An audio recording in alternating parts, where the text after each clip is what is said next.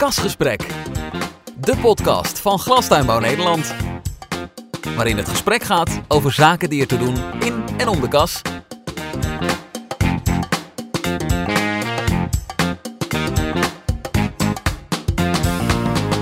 Kasgesprek. Welkom bij de podcast van uh, Glastuinbouw Nederland. Die heet Kasgesprek. De podcast van Glastuinbouw Nederland die over zaken gaan die er te doen in en om de kas. Maar dit is een speciale podcast, gemaakt in samenwerking met, in opdracht van Waterzuiveringscoöperatie Westland. We gaan het hebben over water. En uh, met name over de AWZI. We gaan zo meteen wel horen waar dat voor staat. Ook hier zijn veel afkortingen. Ik zei het al, een extra podcast die dus dit keer niet wordt afgesloten met een column van Sjaak van der Tak, de voorzitter van Glastuinbouw Nederland. Maar wel hebben we twee mensen aan tafel die heel veel informatie gaan verschaffen over dit onderwerp. Nog even vermelden dat we hier te gast zijn bij Tomato World, de ruimte die rustig is en waar we dit mogen opnemen. Aan tafel hebben we Guus Meijs en Hans Winkels. Guus Meijs, mag ik beginnen bij jou? Wil je jezelf introduceren? En welkom bij deze podcast. Ja, dankjewel Maurice. Mijn naam is Guus Meijs. Ik ben beleidsspecialist water en omgeving bij Glastenbaar Nederland. En voor onze leden belang, behartig ik de belangen op het hele dossier van water en milieu. Dat betekent bijna alle onderwerpen van het activiteitenbesluit. Dus van lozingsvoorschriften, watervoorziening, maar zelfs ook de afscherming van belichting en de opslag van gevaarlijke stoffen. En dat doe je al een paar jaar, denk ik.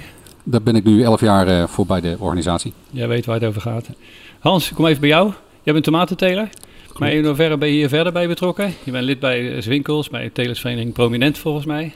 Klopt allemaal. We, we zijn, uh, ik ben een van de aandeelhouders, een van de vijf aandeelhouders van, uh, van de Breidgroep. Sinds twee jaar dus samengegaan met de Zwinkels-Dukkers familie. Ik uh, houd me altijd uh, nogal fanatiek bezig met de teelt. En uh, nou, de teelt heeft me tot, tot dit waterverhaal ge geleid. En ja, zo ben ik er een beetje ingerold. Ja. En hoe lang ben je ermee bezig? In tijd bedoel je? Ja, nee. Hoe, hoe lang geleden is het project gestart voor jou? ik denk al een jaar of twee, drie. Dat, we, okay. dat we toch wel uh, het initiatief genomen hebben om te gaan kijken van ja, wat, voor, wat voor oplossingen zijn er. En er werd heel erg sterk gekeken naar de individuele oplossingen. En de collectieven zijn eigenlijk alleen maar gebruikt om, uh, om tijd te, te, te, te winnen. Oké, okay, op zo'n manier. Ja. Even over het onderwerp zelf, wat breder. We gaan het hebben over de zuiveringsplicht die er is voor gewasbeschermingsmiddelen.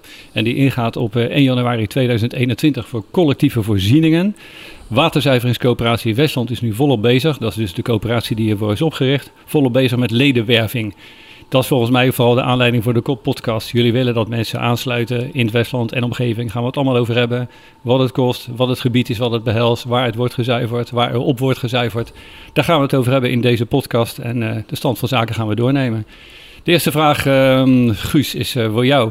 Kun je in het kort de situatie rondom de verplichte zuivering eens schetsen? Ja, als we kijken naar de verplichte zuivering, uh, die is ontstaan eigenlijk in 2013 al met de tweede nota duurzame gewasbescherming. Daarin was opgenomen door het Rijk dat de waterkwaliteit nog verder moet verbeteren. En ze zagen een zuiveringsplicht voor de glastuinbouw als enige optie om dat te realiseren. Ja. Dat wilden ze in 2016 invoeren, maar toen waren de installaties nog niet voldoende ontwikkeld en nog erg duur. En toen hebben we op basis daarvan in 2015 een hoofdlijnakkoord gesloten. Waarbij we met de overheid afgesproken hebben dat de zuiveringsplicht voor individuele bedrijven op 1 januari 2018 in zou gaan. En dat het mogelijk zou zijn om ook de zuiveringsplicht via mobiele zuivering in te vullen en via collectieve zuiveringen. Om te proberen op die manier de kosten voor de sector wat te drukken. Hoe ziet een mobiele zuivering eruit? Wat, uh, hoe doe je dat dan? Een mobiele zuivering dat is een bedrijf wat gewoon de reguliere zuiveringsinstallaties eigenlijk simpel gezegd op een aanhanger zet. Dat naar een bedrijf toe rijdt. En een bedrijf wat maar relatief weinig water op jaarbasis hoeft te zuiveren, kan dan een zuivering tijdelijk huren om zijn water te zuiveren. Wat is de meerwaarde van de collectieve oplossing waar je nu voor hebt gekozen bij de AWZI, de afvalwaterzuiveringsinstallatie in Hoef Holland? Wat is de meerwaarde daarvan? De meerwaarde van collectieve zuivering is dat je een grotere installatie neer kan zetten. Je kan daarmee een, een robuustere installatie neerzetten. Bedreven door mensen die verstand hebben van zuivering. Voor tuinbouwbedrijven is het toch maar een, een activiteit erbij. En het geeft gelijk de mogelijkheid om de installatie zodanig neer te zetten dat je ook andere waterstromen kan zuiveren. Want alle afvalwaterstromen gaan de riolering in, in dit geval. En je kan ook activiteiten erbij pakken als het verwijderen van meststoffen. Klopt. Gaan we het ook later nog wel even over hebben. Zijn er nog meer voorbeelden van collectieve samenwerkingsverbanden zoals we het hier nu hebben over deze coöperatie? Ja, in 2015 is er een inventarisatie geweest uh, voor collectieven. En uiteindelijk zijn daar een, een handvol collectieven overgebleven, waarvan de AWZI Nieuwwater de grootste is. Verder heb je nog tuinbouwwaterzuivering De Vlot in het Westland, eh, die ook meststoffen verwijdert en gewasbeschermingsmiddelen. En in, rondom Zalbommel heb je de tuinbouwriolering Bommelenwaard. Als je die met elkaar vergelijkt, uh, waar onderscheidt zich dan eigenlijk jullie, jullie initiatief zich uh, vooral op? Alle drie de collectieven hebben eigenlijk een iets andere werking. In die zin dat tuinbouwwaterzuivering De Vlot maakt gebruik van het centraal afvoerstelsel drainage wat in het Westland ligt. Daardoor wordt het water verzameld en dan worden eerst de meststoffen eruit gehaald en daarna pas de gewasbeschermingsmiddelen.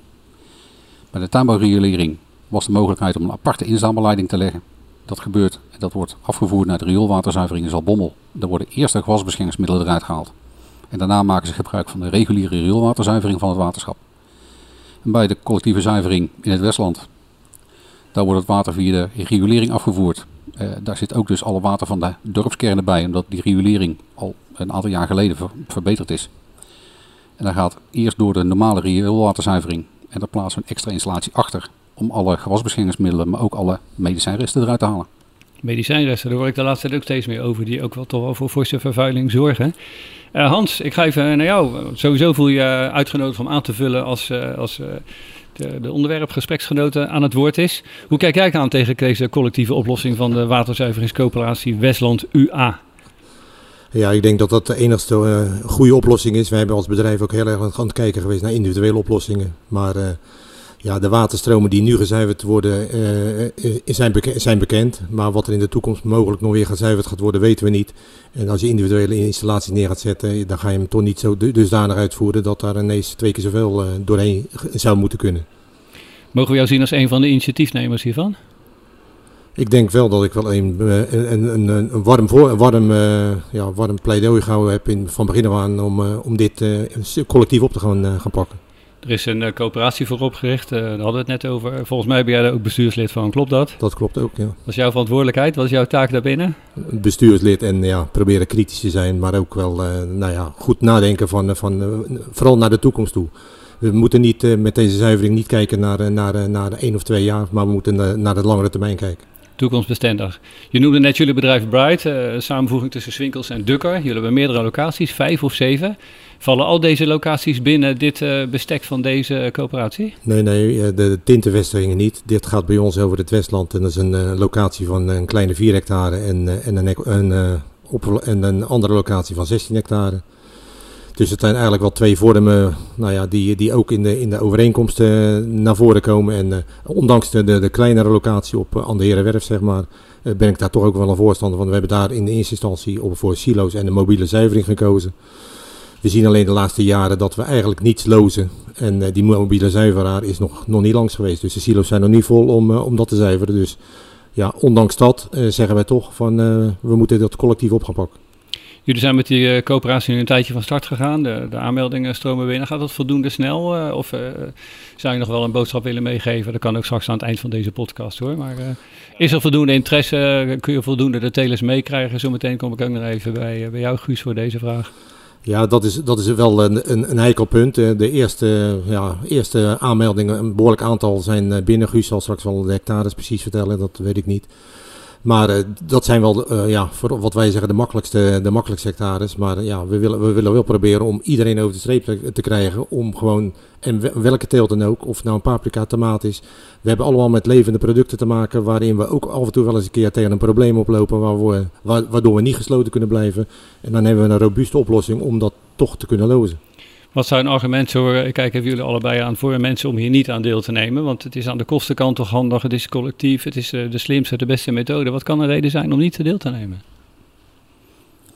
Nou, een reden om niet deel te nemen zou alleen zijn op het moment dat je geen gewasbeschermingsmiddelen bijvoorbeeld toepast. Want dan heb je geen zuiveringsplicht.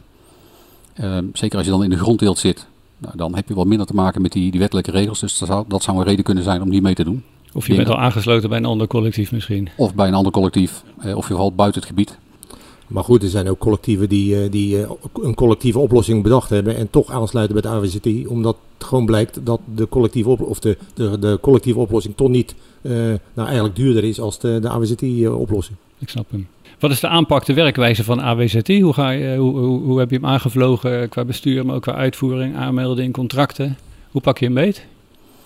Nou, van begin af aan zijn we eigenlijk in overleg geweest met Delftland. Die hebben meegedacht over de opzet van de businessplannen, wat er mogelijk is op hun terrein. Met Delftland is ook overlegd hoe we dan het organisatorisch moesten gaan oppakken. En uiteindelijk is gebleken dat het makkelijker is dat Delftland gewoon één factuur stuurt naar een coöperatie. En dat vervolgens de coöperatie onderling bepaalt hoe de factuur verdeeld wordt onder de mensen. En eventueel de bijdrage is voor uh, overige uh, ja, bijkomende voordelen, zoals het verwijderen van de meststoffen. Uh, nou, dat is met Delftland besloten en uiteindelijk tot zo tot stand gekomen. De coöperatie is waar gevestigd, want er gaat straks nog wel een heel administratief systeem worden. Mensen in dienst, automatisering. Waar gaat dat plaatsvinden? Dat is nog in het bestuur ter, ter bespreking, maar dat zal naar alle waarschijnlijkheid bij Glassenbouw Nederland toegepast gaan worden. Even zoals de warmtecoöperaties ook door Glassenbouw Nederland ondersteund worden in hun, hun hele administratie, althans qua uitvoering. Oké, okay, goed zo. Dat is de aanpak. Wil je daar nog iets op toevoegen, de werkwijze van de coöperatie, Hans? Nee, ja, dat, is, het staat allemaal in de kinderschoenen. Het moet natuurlijk allemaal nog, nog een heleboel dingen moeten beslag krijgen. Maar ik, ik denk dat het goed is om dat onder te brengen bij, bij Glastuin bij Westland. Oké. Okay. Wat misschien nog wel goed is om te vermelden is dat we nu een, een tijdelijk bestuur hebben. Er moet snel nu een coöperatie zijn, wat uiteindelijk de overeenkomst ook met Delftland getekend moet worden als er straks voldoende hectares binnen zijn. Het bestuur heeft aangegeven, de bestuursleden, we willen daar zeker nu in interim daar een, een functie in vervullen. Maar het is wel zo netjes als straks alle overeenkomsten getekend zijn, dat we begin volgend jaar een algemene ledenvergadering hebben, waarbij dan formeel het bestuur vastgesteld wordt. Zodat je echt draagvlak hebt onder de leden die bij, bij de coöperatie aanwezig zijn. We hadden het net even over waar sta je nu, hoeveel hectares zijn er binnen. Daar kon jij misschien iets meer concrete uh, aantallen hectares van noemen. Waar wil je uitkomen en wat is er binnen? Ben je op stoom? Gaat het goed? Um, er wordt hard aan gewerkt en we zijn, uh, we zijn aardig op, uh, op dreef. uiteindelijk het streven is dat we op meer dan 1000 hectare uitkomen die meedoen. En op dit moment, zoals gezegd, het is een, een ongoing zaak. Maar zitten we zo rond de 800, 850 hectare die hun overeenkomst ingediend hebben. Dus we hebben nog wat stappen te maken. Er wordt ook regelmatig nagebeld. Er worden nog mailtjes gestuurd van mensen die eerder interesse getoond hebben, die nog de overeenkomst niet ingediend hebben. Dus die worden nog benaderd. En het is altijd mogelijk nog voor bedrijven die nu dit soort podcast of eventueel de, de eerdere video gezien hebben en besluiten toch mee te doen, is altijd mogelijk. Waar moeten, waar moeten ze zich melden? Dan kunnen ze contact opnemen uh, via het mailadres water.glastenbouwnederland.nl en dan kunnen ze vragen om een, een overeenkomst en dan wordt die toegestuurd. Kasgesprek de podcast van Glastuinbouw Nederland. Richting 2027 gaat er het een en het ander veranderen op het gebied van eh, verplichte zuivering. Wat gaat er veranderen? Het lijkt nog heel ver weg, maar dat is het natuurlijk niet. Guus? Klopt, 2027 lijkt nog best ver weg. Uh, maar rondom meststoffen zijn we eigenlijk in 2010 al begonnen met emissienormen. Dat betekent dat substraatbedrijven uh, gedurende de periode van 17 jaar eigenlijk naar 2027 toe steeds minder mogen lozen. En met uiteindelijk dus nagenoeg nullozing in 2027. Nou, daarvoor is ook het onderzoeksprogramma Glastenbouw de Proef voor opgericht. Je ziet in de onderzoeken eh, dat het per teelt nogal sterk wisselt wat wel of niet haalbaar is. En we horen steeds meer vanuit de praktijk dat er nog wel één of twee stapjes te maken zijn. Maar dat uiteindelijk een nagenoeg nullozing heel erg lastig is. Nou, op het moment je dat laatste stukje van meststoffen zou kunnen verwijderen. En daarmee, daar gaan we nu vanuit bij de collectieve zuivering. Uh, dan kun je bedrijven daarmee helpen om uiteindelijk in 2027 en verder volledig te voldoen aan de wetgeving. Nou hoor ik nullozer. Ik ben ongelooflijke leek. Is een nullozer helemaal zonder lozingen of loost een nullozer bepaalde stoffen niet? Op dit moment voor de wetgever is een nullozer een bedrijf wat geen gewasbeschermingsmiddelen en meststoffen loost. Ja. En dan is het ook nog gespecificeerd voor een aantal waterstromen. De zuiveringsplicht geldt bijvoorbeeld voor drainwater bij substraatteelten, drainagewater bij grondgebonden teelten en filterspoelwater. Maar er zijn meer waterstromen die op een bedrijf vrijkomen. Dus ook bijvoorbeeld het huishoudelijk afvalwater, dat mag gewoon geloosd blijven worden. Maar bijvoorbeeld ook een waterstroom eh, van een groene afvalcontainer, dat gaat nu nog de riolering in. Dat is zodanig van samenstelling dat je het niet kan zuiveren. Voordeel van de, collectief, eh, van de collectieve zuivering is, ja, het gaat uiteindelijk naar de rioolwaterzuivering en het wordt daar toch wel gezuiverd. Ja. Hoe werkt dat met die meststoffen? Uh, wat op termijn ook al een uh, toegevoegde waarde is, dat de meststoffen eruit, uh, eruit gezuiverd gaat worden. Gaat dat op exact dezelfde manier als de gewasbeschermingsmiddelen of is daar een hele andere aparte installatie voor nodig? Nee, de meststoffen die kunnen we verwijderen door eigenlijk het bestaande zuiveringsproces van Delftland te optimaliseren. Ja. ze hebben daar nu al stappen in zitten om fosfaten en nitraten onder andere uit het systeem te halen. Nou, door toevoeging van bepaalde materialen, met name om bacterieleven wat extra te activeren, kunnen we het hele zuiveringsproces optimaliseren. En met Delftland en het ministerie is afgesproken dat als wij betalen voor uh, het optimaliseren van die zuivering, dat het extra rendement ook naar de glastuinbouw toegerekend mag worden. Dus ja, dat is het wisselgeld. Hè. We mogen dan extra stikstof blijven lozen, omdat we het uiteindelijk bij de rioolwaterzuivering eruit halen. Zijn meststoffen op bedrijfsniveau ook eh, te verwijderen of helemaal niet? Gebeurt het in zijn algemeenheid? Bij het opstellen van de emissienormen is ervan uitgegaan dat het minder lozen van meststoffen gehaald zou worden door steeds meer hergebruik. Want je ziet dat het verwijderen van meststoffen op dit moment eigenlijk alleen maar goed te doen is via een biologische zuivering, dus met bacteriën. Daar heb je een constante stroom voor nodig. Ja, en recirculeren zoveel dat ze maar periodiek een beetje water lozen. En daar kun je niet met een biologische zuivering uit voeten. Hans, schrijven naar jou. Wat is de meerwaarde voor jullie bedrijf eh, als er ook meststoffen mogen worden verwijderd? Wat is de extra?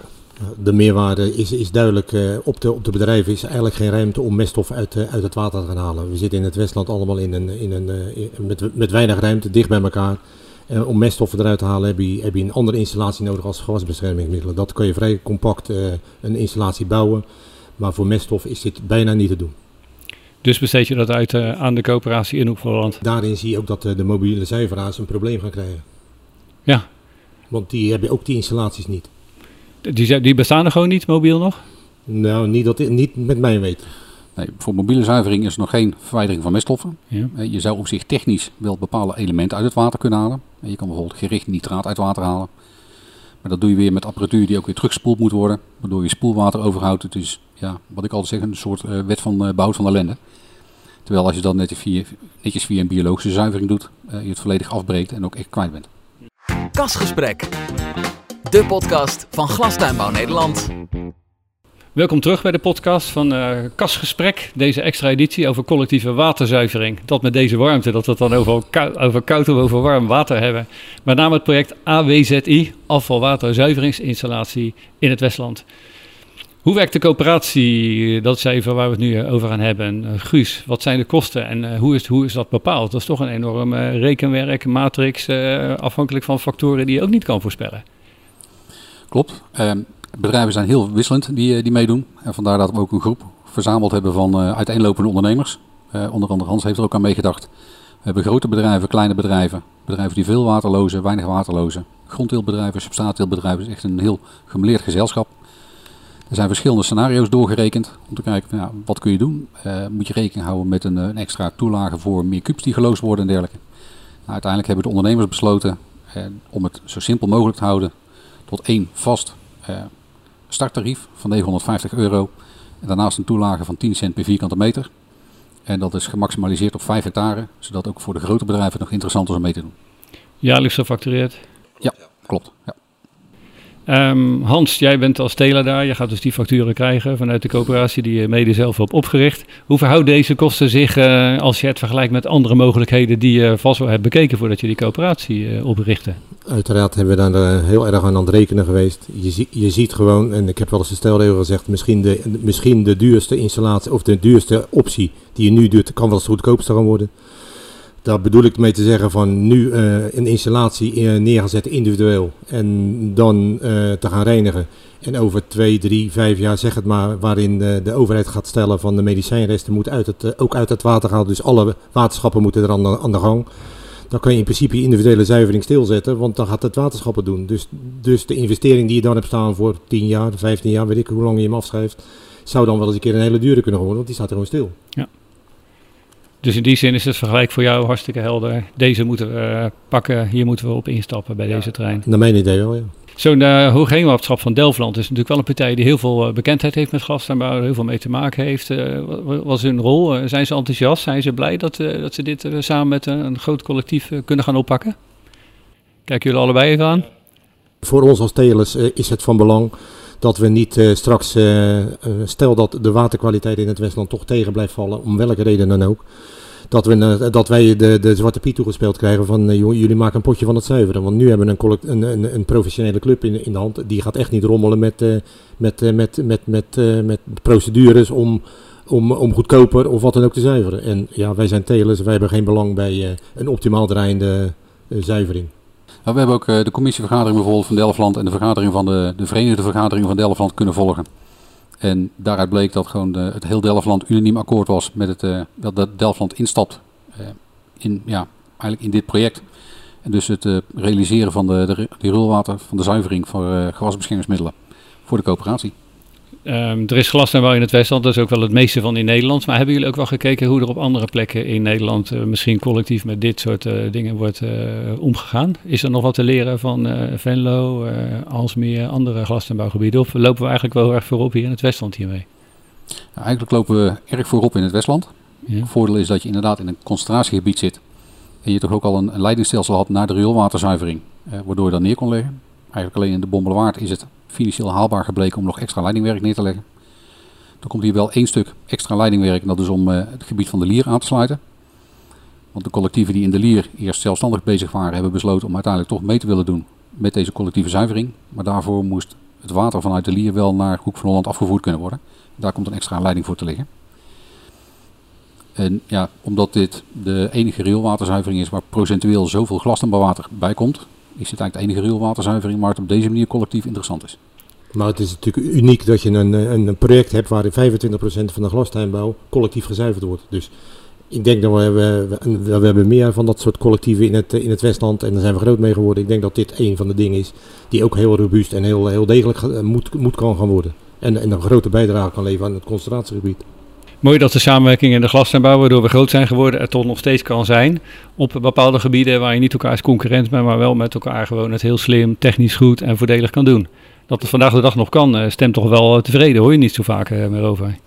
Ja, maar goed, ik denk wel, eh, als er, als er weer zoiets voorbij komt, dat we het wel met twee, armen moeten twee handen moeten omarmen als er een aantal mensen aan willen trekken, dan, eh, dan gaat dat goed. Is het uh, collectief nog interessant als je toch al in eerste instantie bij een ander initiatief was aangesloten om nog over te stappen? Je zei er eigenlijk net al iets over, Guus, dat er alsnog een leiding wordt gelegd. Maar stel je bent uh, in eerste instantie een paar jaar geleden al voor een andere, andere samenwerkingsverband gegaan. Kun je nog overstappen of kan het hele andere samenwerkingsverband nog instappen bij dit grotere collectief? Dat kan zeker. De tijd wordt wel wat krapper. 1 januari 2021, dan is de zuiveringsplicht voor collectieven uh, officieel een uh, feit, dan gaat die in. Uh, maar het is nog steeds mogelijk om, om aan te sluiten, ook vanuit andere collectieven. Er zijn ook wel contacten geweest. je moet er wel kijken, kan het water inderdaad naar de rioolwaterzuivering komen? wat voor voorziening heb je daarvoor nodig? Nou, in een aantal gevallen is dat te duur gebleken. Maar ook bedrijven die al een eigen zuivering hebben staan en die toch tegenvinden vallen hoeveel omkijkers naar zijn zuivering hebben staan, hebben, kunnen nog aansluiten. vanuit meerdere ondernemers is gevraagd, ja, is dat mogelijk? Daar hebben we ook een aparte overeenkomst voor gemaakt. Dat ze uh, voorlopig nog even met een eigen zuivering kunnen draaien, maar dan uiteindelijk kunnen instappen bij de collectieve zuivering. Overeenkomsten, er zitten natuurlijk best wat de juridische kant aan. Klopt, ja. Als het gaat over, we spreken steeds over Westland, maar er ligt vast wel denk ik een behoorlijke scherpe grens. wie kan wel en wie kan niet meedoen. Is dat op de een of andere manier een beetje duidelijk te maken voor onze luisteraars? Waar lopen, waar lopen de grenzen, zonder dat we een kaartje voor ogen hebben? Nou, dat is eh, in woorden enigszins duidelijk te maken door te zeggen dat eh, het gebied van de Hoek van Holland, eh, Maasdijk, Naaldwijk, eh, een deel van Honselsdijk, een deel van Wateringen, valt binnen het verzorgingsgebied van de AWZ10. Daarnaast de bedrijven rondom de Lier. Eh, daar ligt een hele grote waterbuffer, rioolbuffer, eh, genaamd Perdik. En die buffer wordt aangesloten uiteindelijk naar de rioolwaterzuivering Hoek van Holland. En voor de mensen die twijfelen of ze wel of niet in het gebied zitten, via Glastenbouw Nederland op de website, daar staat een kaartje van het verzorgingsgebied. En anders kunnen ze altijd een mailtje sturen naar water.glassenbouwnederland.nl. Jullie zijn al een paar jaar lid. En, uh, maar waarom doet Bright? Waarom doet Prominent mee? Het is al een paar keer langsgekomen, denk ik hoor. Maar um, je bent een van de initiatiefnemers. Um, binnen het bedrijf heb je dit ook nog wel een beetje moeten verkopen? Of zeggen ze gewoon, joh Hans, jij bent de teler, jij zit hier al jarenlang bij.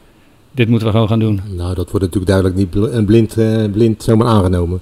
Maar ja, wij, wij, wij zijn een toekomstgericht bedrijf en wij geloven wel dat, dat dit een, een, deel is van de oplossing van de, van de problematieken van de vervuiling. En de mogelijkheden om nog wat te kunnen lozen. Want ja, nogals, ik heb het al eerder gezegd, we zijn met, met levende producten bezig. En het ene jaar en het andere jaar is niet hetzelfde. Je kan wel eens ziektes oplopen. Dan kan je ook op een eerlijke en een goed, goede manier eh, je, je afvalwater kwijt. Zonder dat je bij, bij, wel, bij Delftland of welke instantie moet gaan tjoemen. Mag ik alsjeblieft wat lozen? En onder welke voorwaarden? Ondernemer denk ik dat je je verantwoordelijkheid neemt, transparant bent en ook dit deel van het ondernemerschap uh, goed hebt geregeld. Want je bent van huis uit telen, dus je teelt tomaten, dus je bent bezig met klimaat en gewasbescherming en toch uh, de groei en de planten. Dit soort onderwerpen krijg je er natuurlijk wel gewoon maar even bij, waar je dan toch van uh, wordt geacht er verstand van te hebben. En eh, het schijnt dat je het ook nog leuk moet vinden. Ja, je moet wel een beetje fanatiek zijn soms, ja. Maar, nee, maar goed, het is, een, het is een verlengstuk. Water is ook een verlengstuk van je teelt. Ik bedoel, uh, en daar ben je mee bezig. En uh, dan kan je wel zeggen, ja, het, water wat, wat er uit de lucht valt, dat is voor mij belang en de rest niet. Ja, dat is natuurlijk je kop in het zand steken. Want vanuit overheidswegen word je gewoon gedwongen tot, tot, tot nou ja, emissieloos telen. Ja, helder. Wat moet er nog gebeuren? We gaan een beetje eh, afsluiten met de podcast. Wat moet er nog gebeuren om dit initiatief nog verder een succes te maken? Nou, het belangrijkste is dat er nog uh, meer bedrijven zich aansluiten bij deze coöperatie. Uh, dus dat ze de overeenkomst aangaan met de coöperatie. Zodat we met Delftland uh, kunnen laten zien dat er voldoende hectares zijn. En dat de aanbesteding van de installatie door kan gaan. En dat we er uiteindelijk een mooi project van kunnen maken. Ja, ik denk het van belang is dat vooral de nullozers die, die op dit moment nog wel een beetje achteroverleunen die, die, moet, die moeten ook eens na gaan denken van, joh, bij calamiteit, hoe ga, hoe ga ik het dan oplossen? Want nulloze uh, kan, uh, kan je zijn, een heleboel jaren, maar het kan wel eens een jaar tegenvallen. En dan moet je toch je afvalwater kwijt. Dus ik wil vooral, uh, vooral de, de nulloze is goed na laten denken van, jongens, waar zijn we mee bezig? En ik denk dat je een nulloze kan zijn als je wat achter de hand hebt een, een, een, met calamiteit. Ja, dat je dat dan toch hebt geregeld. Ja. Voor de kosten van 975 euro per jaar en een duppie per vierkante meter. Nou, daar zijn ook aangepaste contracten voor. Ja? ja. 950 euro per jaar. Overigens. 950. Nou, een andere aanvullende aspect, het is ook al even eerder genoemd, maar wel kijken naar de toekomst. Uh, wat Hans de Rek zegt, ja, je weet niet hoe de waterkwaliteit van het oppervlaktewater zeg maar, zich verbetert. Als er aanvullende eisen komen, dan zouden meer en andere waterstromen nog gezuiverd moeten worden. Ja, dan moet je dat op individuele bedrijven allemaal weer extra voorzieningen gaan treffen. En op het moment dat je met een collectief meedoet, je brengt het in de riolering, het wordt gezuiverd voor je. Dus je bent gewoon gesteld voor 2027 en verder. Ja.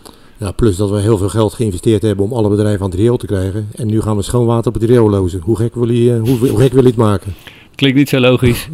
Klinkt niet zo logisch. Iemand nog verder iets toe te voegen aan deze eh, podcast over de waterzuivering? Kijk goed naar je bedrijfssituatie. Uh, is het in alle gevallen mogelijk om je eigen water volledig binnen te houden? Zo niet, bij enige twijfel, sluit je aan en je bent verzekerd voor de toekomst. Aanmelden bij het e-mailadres water.glastuinbouwnederland.nl Klopt. Nou, ik wil nog iets toevoegen. Ja? Uh, het is niet zo dat je zomaar zeggen kan over, over drie of vier jaar ik, ik, ik stap in. Uh, dat heeft dan wel consequenties dat je alle, alle kosten die daarvoor ge, gemaakt zijn, moet je dan als het ware in één keer ook betalen. Dus het is niet zo van ik, ik stap op een rijdende trein en uh, vanaf jaar vier ga ik gewoon mijn contributie betalen. Zo is het natuurlijk niet. Is er een soort deadline waarvoor het handig is om je voor die tijd aan te melden binnen de komende maanden voor het eind van het jaar? Wat, Eind augustus moet het bekend zijn. Op dat moment moet Delftland de, de beslissing nemen of ze gaan aanbesteden voor de ozoninstallatie of niet. En dan moet er voldoende hectares binnen zijn. En dat is gewoon over een week. Dat is over uh, ruim een week, ja. Het kan maar duidelijk zijn. Ik wil heel erg danken voor jullie uh, inbreng, jullie informatie om hier naar Tomato World te komen en met ons de informatie te delen. Bedankt voor de luisteraars voor het luisteren naar deze podcast van de, deze speciale editie van Kasgesprek, de podcast van Glasnummer Nederland, die gemaakt is in samenwerking in dit geval met de waterzuiveringscoöperatie Coöperatie Westland. Dank Tomato World voor de gastvrijheid en het gebruik van de locatie. Kasgesprek, de podcast van Glastuinbouw Nederland.